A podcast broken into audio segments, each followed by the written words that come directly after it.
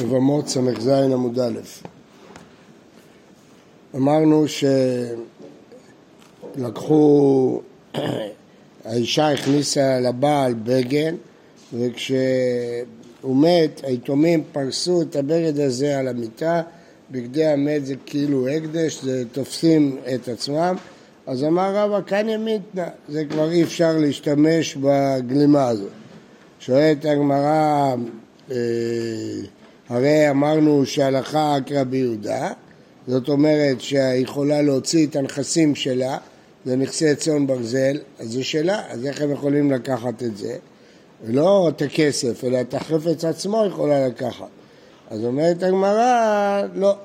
מה? הקדש מפקיע ידי שעבוד. כלומר, סוף סוף היא עדיין לא גבתה את זה, אז זה רק שעבוד, ויש לנו כלל שהקדש חמץ ושחרור מפקיעים ידי שעבוד. נסביר את שלושת הדברים החשובים האלה. הקדש, אם אדם יש לו חפץ שמשועבד לבעל חוב שלו, והוא הלך והקדיש אותו, למרות שהחפץ משועבד, ההקדש מפקיע אותו. להקדש יש יותר כוח מהשעבוד. אז גם כאן, כשהוא שם את זה על המת, זה לא בדיוק הקדש, אבל נותנים לדין כאילו הקדש, שהמת זכה בבגדיו. זה כאילו הקדש, זה לא בדיוק הקדש, אז זה מפקיע על ידי שעבוד. אז למרות שהבגד הזה משועבד לאישה בנכסי צאן ברזל, אבל ההקדש הפקיע את כוח השעבוד. חמץ, זה מדובר במקרה שישראל משכן לגוי, כן? גוי הלווה לישראל כסף, והישראל משכן לו חמץ, אז למרות שהמשכון הזה עכשיו ממושכן ביד גוי, עוברים עליו ובא לראה. למה? כי החמץ מפקיע את השעבוד. למרות זה משועבד לגוי, זה עובר בבא לראה. אז מתי לא עוברים? אם הוא נתן את זה לרשותו, אבל כל עוד זה ברשותו של ישראל, עובר. הדוגמה השלישית, שחרור. ישראל שאיבד את העבד שלו לבעל חוב, אז זה משועבד לבעל חוב, עדיין הוא יכול לשחרר אותו. למה? כי הגוף קנוי לו. כיוון שהגוף קנוי לו, הוא שחרר אותו. אז אם אין גוף, אין שעבוד ממון, ולכן זה מפקיע ידי שעבוד. אמר רבי יהודה, הכניסה לו שני כלים באלף זוז בנכסי צאן ברזל, ושיבחו, ועמדו על שני אלפים. עכשיו, מגיע, לו, מגיע לה רק אלף, כי אמרנו שכותבים בכתובה את הסכום שזה נכנס. זה נכנס באלף, אז הוא חייב לה רק אלף. מצד שני אמרנו שזכותה לקחת את החפץ. אז איך נעשה? אומר אומרת הגמרא, אחד נוטלתו בכתובתה, אחד ששווה אלף, תיקח אותו. והשני, גם היא רוצה לקחת אותו, בגלל שזה שלה. ואחר נוטלתו, תלת דמים ונוטלתו, היא יכולה לקחת אותו כי זה שלה, אבל היא צריכה לשלם על זה, כיוון שכתבו בכתובה רק אלף, ועכשיו שני הבגדים שווים אלפיים. אבל החידוש הוא שהיא יכולה לקחת את שני הבגדים, כי פסקנו שהיא לוקחת את החפצים עצמם. מה יקבע שמלת? שבח בית אביה, דידיו. אמרה אחד וזמנה. מה עוד אתם, אנא מילך דמטיה למשקל בכתובתה, כשלוקחת החפץ, אבל מתן דמים ומשקל, הרי כאן לא מגיע לאלפיים. בכל זאת אני אומר, היא לוקחת את שני הבגדים ומשלמת אלף. משנה, בת ישראל שנישאת לכהן ומת, והיא נכרעה מעוברת, לא יכלו עבדיה בתרומה מפני חלקו של עובר, שעובר פוסל ואינו מאכל. מה פירוש?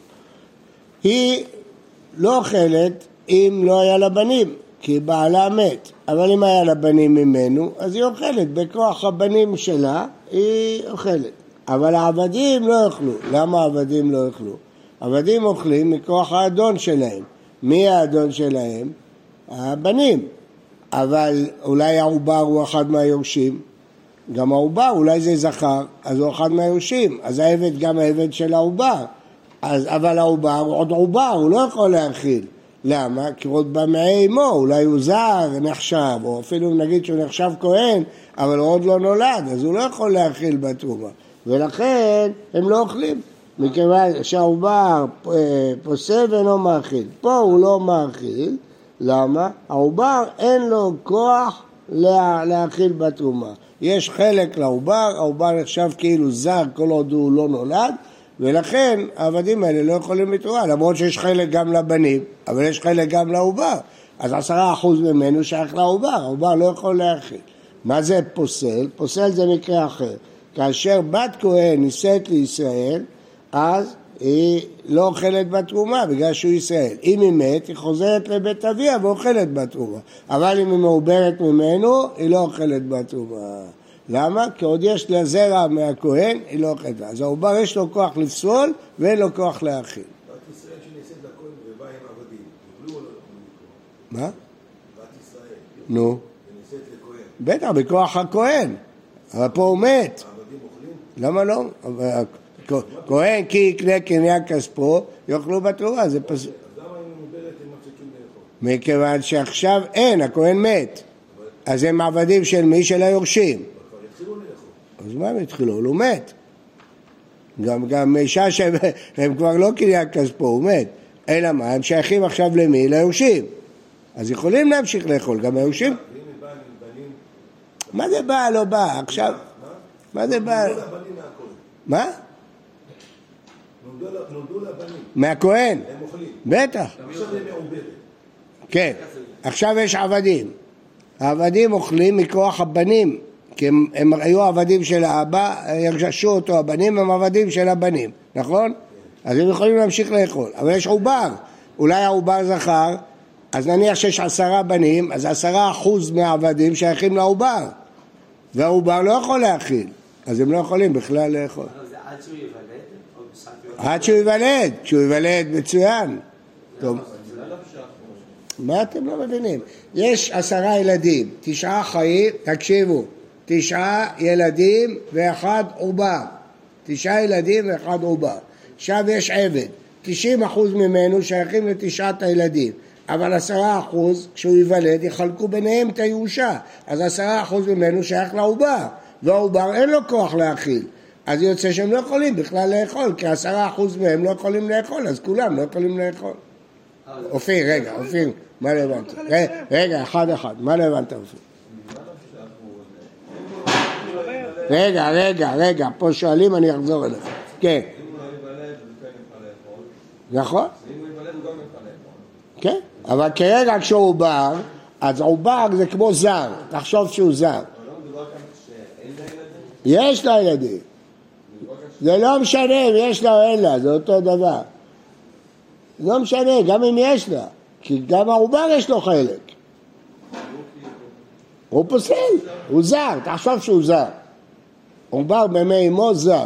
כן, מה אתה שאלת? מוסכם לכולם שעובר יובס? מה? זה מוסכם לכולם שעובר יובס? זה ההנחה של המשנה פה, שהעובר יובס. לא, לא מוסכם. אבל זה ההנחה פה של המשנה. אז הם שייכים גם, כן. עכשיו תשאל. חלק העשרה אחוז הזה, שישימו בצד. אי אפשר, כי אי אפשר לחלק גוף. יש עבד אחד, הגוף שלו, הראש שלו שייך לעובר, היד שלו שייך לעובר, איך הוא יכול לאכול? זה גוף אחד, בסדר? אז זה פוסל, מה זה אינו מאכיל, סליחה. מה זה פוסל? פוסל זה מקרה אחר, זה לא המקרה הזה. פוסל זה מקרה שבת ישראל נישאת, בת כהן נישאת לישראל ומת, אז היא חוזרת לבית אביה, היא יכולה לאכול. אבל אם הוא מהיריון מהישראל, היא לא יכולה לאכול, כי הוא פוסל. לעניין לפסול הוא פוסל. אבל העבדים שלה יכולים לאכול כשהוא מת? הם לא אוכלים. העבדים שלה. איך יאכלו? הם לא אוכלים. עבדים שלה? עבדים אחרים. אבל יש עובר. עוד פעם אתה חוזר לאותה בעיה. לא, לא, אני הבנתי. רק שואל על העבדים שלה, כי הרב פה דיבר על העבדים שלו. כן. עבדים שלא אוכלים, אם היא אוכלת הם אוכלים, אם היא לא אוכלת הם לא אוכלים. כל האוכל מאכיל, לא אוכל. דברי רבי יוסי, אמרו לו, מאחר שאת לנו על בת ישראל לכהן, אף בת כהן לכהן, ומת, ונלכה עובר ומת, לא יכלו עובר רבותם, מחוקו של עובר. היא בת כהן לכהן. אז עכשיו, מכוח מה הם יכולים לאכול? היא אה, בת כהן, אבל העבדים הם שייכים לו, הם לא שייכים לה. אז הם צריכים לאכול מכוח מי? מכוח בעלה, מכוח הכהן, אבל היא מעוברת, והעובר זר, אז הוא לא יכול לאכול בתרומה, פשוט. גמרא, היא באה אלינו. מה הטעם של רבי יוסי שהעובר לא מאכיל? משום דקסבר עובר במי אמו זרעו, הוא עוד לא כהן עד שהוא ייוולד, הוא לא כהן, הוא כאילו זר. עוד דילמה, לא, לא צריך להגיד שהוא זר, אפילו שתגיד שהוא כהן. ילוד, מה אכיל? בסדר, עוד לא נולד, כיוון שעוד לא נולד, אז הוא לא, לא יכול להכיל. ומאי נפקא מינה? לא עובר, במי כהנת. אם אני אומר שבגלל שהוא זר, פה הוא לא זר, הוא במאי כהנת. אבל אם אני אומר שרק יילוד, עד שנולד, מאי? אמר רבא היינו תמא דרבי יוסי, כסבר, עובר במאי זרקה, זר הוא.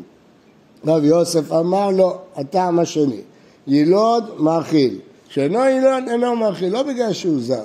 מי טובי. אמרו לו לרבי יוסי, מאחר שעת לנו על בת ישראל לכהן, בת כהן לכהן, מה הוא, הרי צריך להיות אותו דין. אמר להם, זו שמעתי, זה לא שמעתי, לא יודע, לא יודע לענות לכם, אתם צודקים שזה אותו דבר, אבל לא שמעתי. אלא היא אמרת, אם אתה אומר שאתה, אה, סליחה, בישלמה עובר בימי זרה, זר הוא, בישלמה שהסיבה שהוא לא אוכל בגלל שעובר בימי זרה, אז זה מובן שהיא בת כהן פה, אם הוא בת כהן אז העובר לא זר, אז פה הוא כן מאכיל, לכן יש לו תשובה לשאלה שלהם. אלא היא אמרת, היא לא מאכיל, היא לא אינו מאכיל, מה זה שם? היא, היא, זה אותו דבר בדיוק, הרי מה אתה טוען? שעובר, אין לו כוח להאכיל, מה אכפת לי אם אשתו כהנת או אשתו ישראלית, זה אותו דבר בדיוק. הם אומר להם לא שמעתי, זה הדין שלך, בדיוק. ויש דבר אם אתה בגלל שהוא זר, אם היא כהנת, אולי הוא לא זר, היא כהנת. אבל אם הטעם שכל עוד שהוא לא נולד הוא לא מאכיל, מה אכפת לי מי האישה? כן. אמר רבי כאשר, אמר רבי אמר שמואל, זו דברי רבי יוסי, זה לא דין מוסכם. החכמים אומרים, יש לו בנים, אוכלים משום בנים, מה אכפת לי העובר? לא מעניין אותי העובר, אוכלים משום בנים.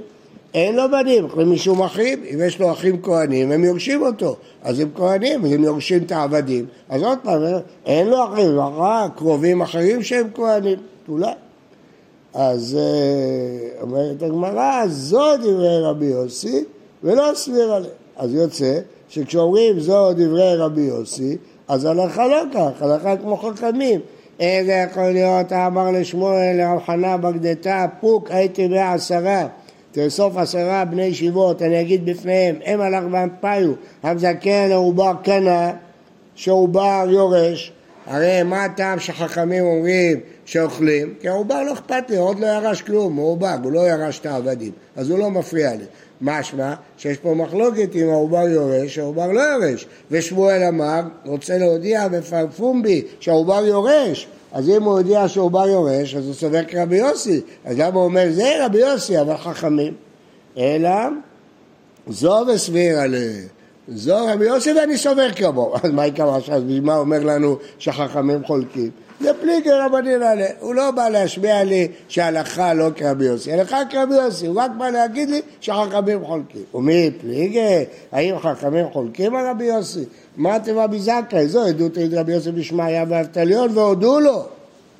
אמר רש"י, מי קטני וקיבלו, והודו לו קטני. מסתבר טעמי, הסורה שלך טובה, אנחנו לא מודים לך בדין. תנו רבנן, הניח בנים, אלו ואלו אוכלים. העבדים יכולים לאכול, בין צאן ברזל, בין עבדי מילוג, יכולים לאכול. למה? עבדי מילוג אוכלים בגללה, ועבדי צאן ברזל אוכלים בגלל הבנים, פשוט.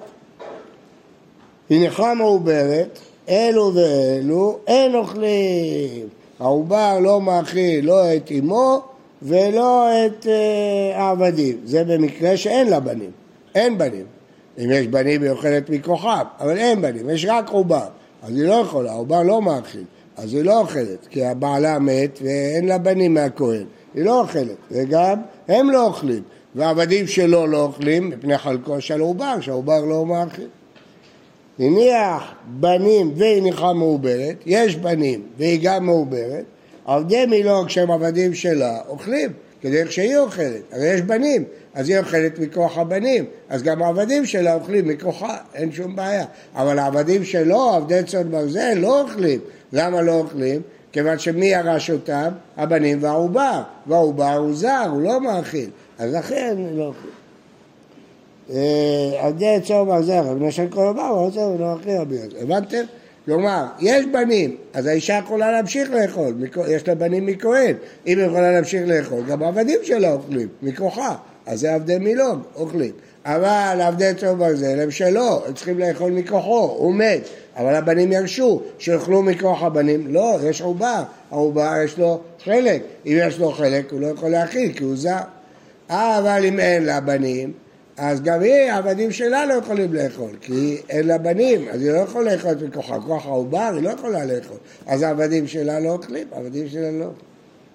רבי יוסי ורבי ישמעאל, ברבי יוסי אומר משום אביו, אה, סליחה, דיבר רבי יוסי. רבי ישמעאל ורבי יוסי ואביו, לא.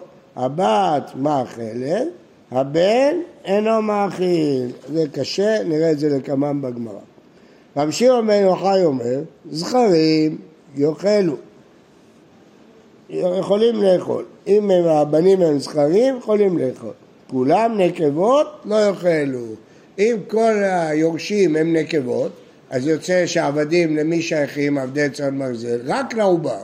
הם כולם שייכים לעובר, כי הם כולם נקבות. לא יאכלו. מה? לא שומע. הפסוק קצת אחרת אצלנו, זכרים יאכלו כולם, נקבות לא יאכלו. לא, לא נכון. לא נכון, לא נכון, לא מסכים. זה טעות, נתקן את זה. זכרים יאכלו, אבל אם כולם נקבות, כל, ה... כל היורשים נקבות, אז העבד, העבדים שייכים לעובר. אולי העובר זכר, ואז רק הוא יורש, ואף אחד אחר לא יורש. נמצא עובר זכר, ואין לבנות באמת כלום. אז יש רק עובר אחד שהוא זכר, כל הנקבות, אז ממילא העבדים למי שייכים? לזכר, לעובר. אז העובר אין לו כוח להאכיל. כלומר, לפי דעתו, אם זה שותפות, יש גם בנים וגם עובר, כן יאכלו. אבל אם הם שייכים רק לעובר, אז הם לא יכולים לאכול. מה יראה שמא יימצא עובר זכר, טיפוק ל דנקבה, נמי פסלה. מה הפירוש? גם אם היא הייתה נקבה, אז מה? אז כולם נקבות, וגם היא נקבה, אז למי שייך את הירושה? לבנות, אם אין בנים, הבנות יורשות, אבל גם העובר יורש, אז למה הוא לא יכול לפסול? למה אתה אומר שבגלל ששמא הוא יהיה זכר, אז כל הירושה עוברת אליו, הוא לא יכול להכיל. מה זה שימו נקבה? בסדר, מה בסדר? הרי יש חמש בנות, והוא, שהוא גם יהיה בת, אז מה? אז כולם יורשים, אז יש חלק לעובר, למה הוא לא פוסל? כסבה, אין חוששים למיעוטה.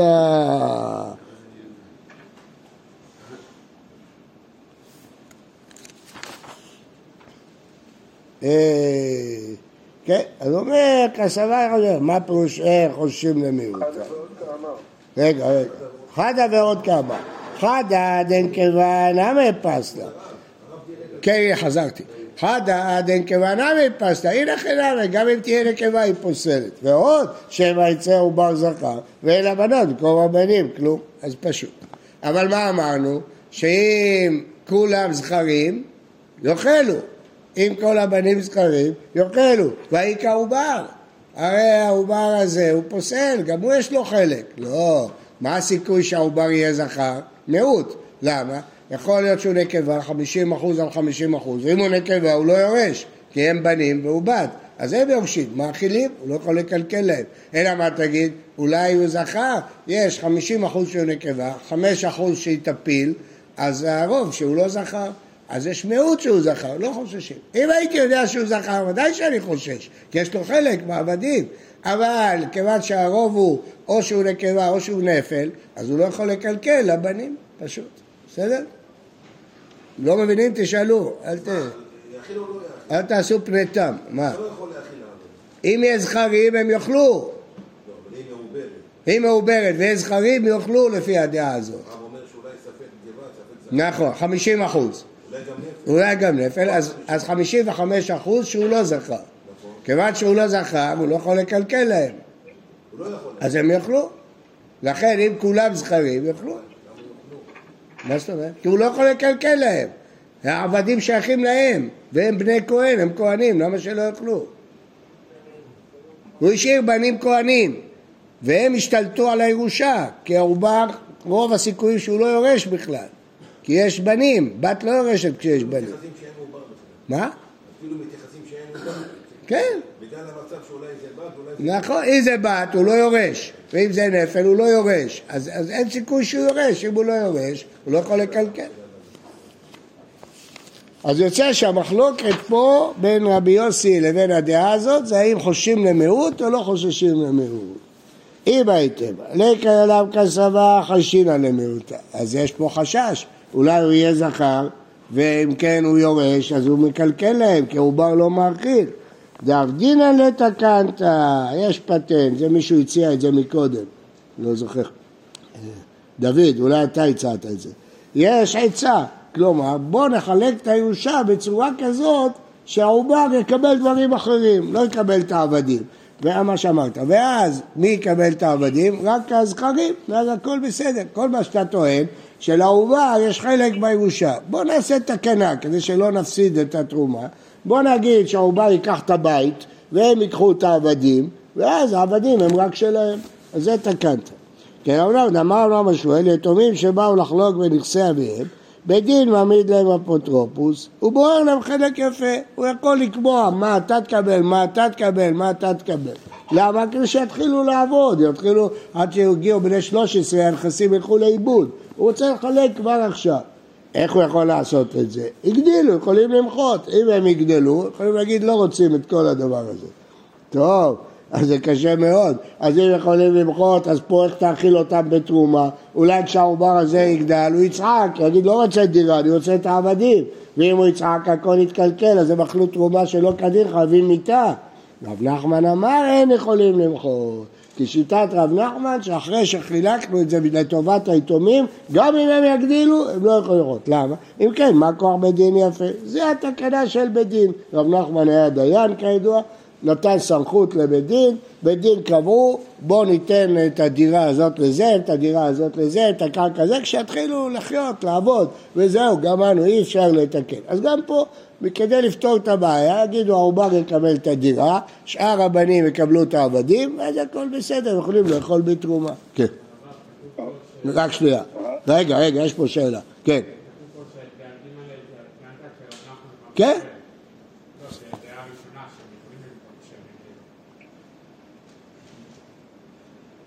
לא, אני חושב שהכוונה רק לתקנה, לעצם התקנה, לא למחלוקת הפרטית אם יכולים למחות או לא.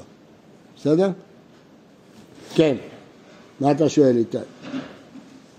לא, רציתי להבין שהגמרא אומרת, דינא נתחלת רב נחמן אמר שמואל... אמרתי, עניתי, כרגע עניתי על זה. התקנה, התקנה העקרונית כרב נחמן שמואל. בפרט הם הגדילו או לא הגדילו, בזה כרב נחמן. כן, תנאי.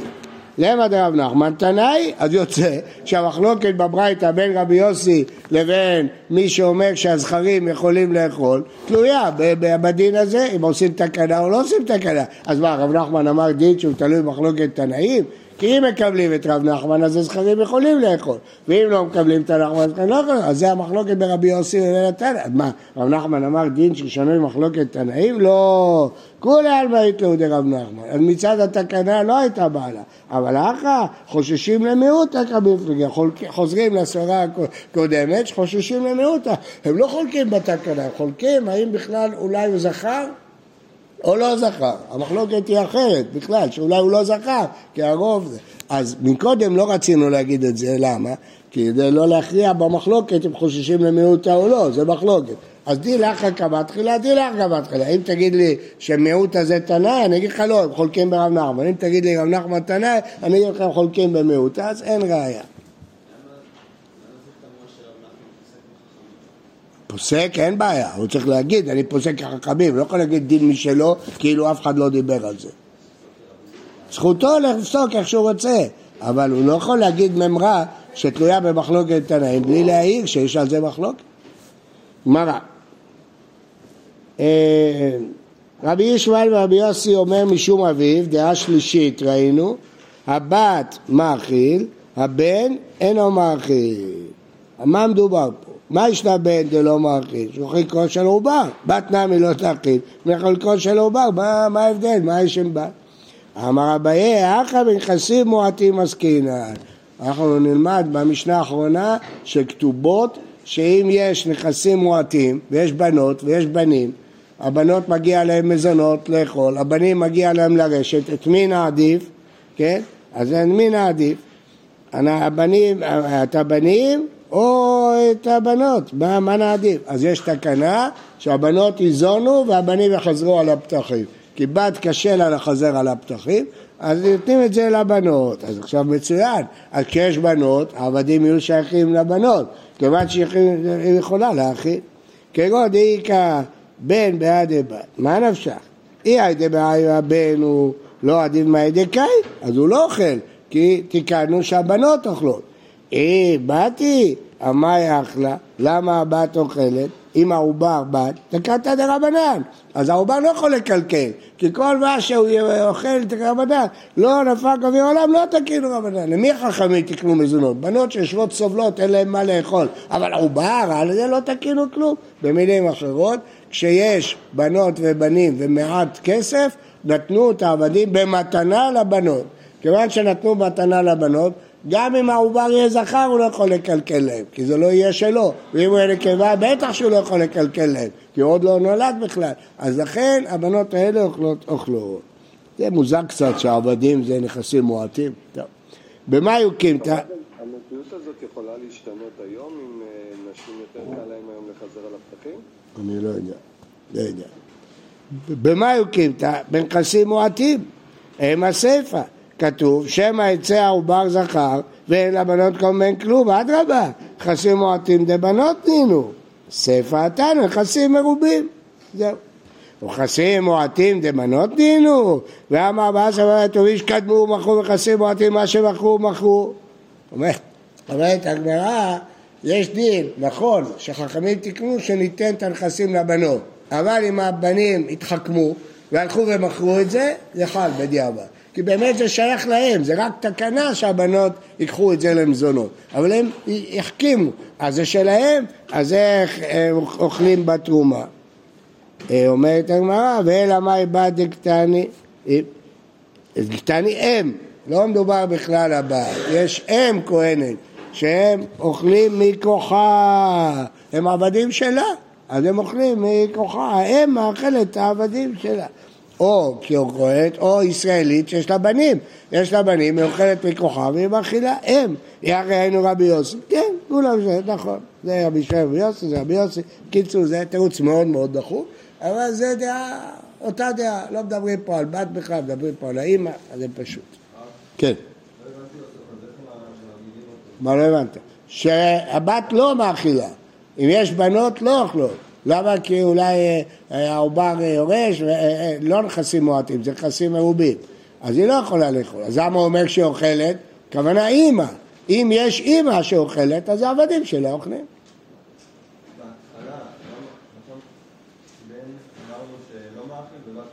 כן, אמרנו שזה תלוי, בהתחלה ניסינו להגיד, נכסים מועטים. נכסים מועטים, הבנות יורשות ולא הבנים. אז הבן לא יכול לקלקל. דחינו את זה שגם אם הן אוכלות זה רק תקנה, אבל בעצם זה שייך לבנים. עובדה שאם הם ימכרו, זה יחול. אז בתרומה צריך ללכת לפי דין תורה. בדין תורה זה שייך לבנים. משנה, מה הבעיה? כהן, מה הבעיה? תשאל. הבת, בת זה ילדה, לא בת. כן. ילדה, ילדה, נקבה, זה הכוונה. לא הבת. אימא, בת, אם יש בת, אם יש נקבה, זאת אומרת האימא. נכון, זה דחוק. משנה, העובר, זה כבר למדנו כבר, העובר, פוסל, והיבם, והאירוסין, והחירש, ובין תשע שנים ויום אחד, פוסלים ולא מאכילים. כל זה נלמד בגמרא. ספק בין תשע שנים עד ספק שאינו ספק הביא שתי שערות, ספק לא הביא, נפל הבית עליו ועל בת אחיו, זה לא שייך לפה, זה עניין אחר, ואין ידוע איזה מת ראשון, צרתה חולצת ולא מתאבד. נסביר דבר דבר. העובר פוסל, היא בת כהן לישראל, כן? ומת הישראל, אז היא חוזרת לבית אביה, אבל אם היא בהיריון ממנו, היא לא חוזרת. למה? כתוב, שבה אל בית אביה כנעוריה, היא לא כנעוריה, היא מעוברת. אז היא לא יכולה לחזור לבית אביה, היא לא אוכלת. תפיל לא שתאכל, למה לא?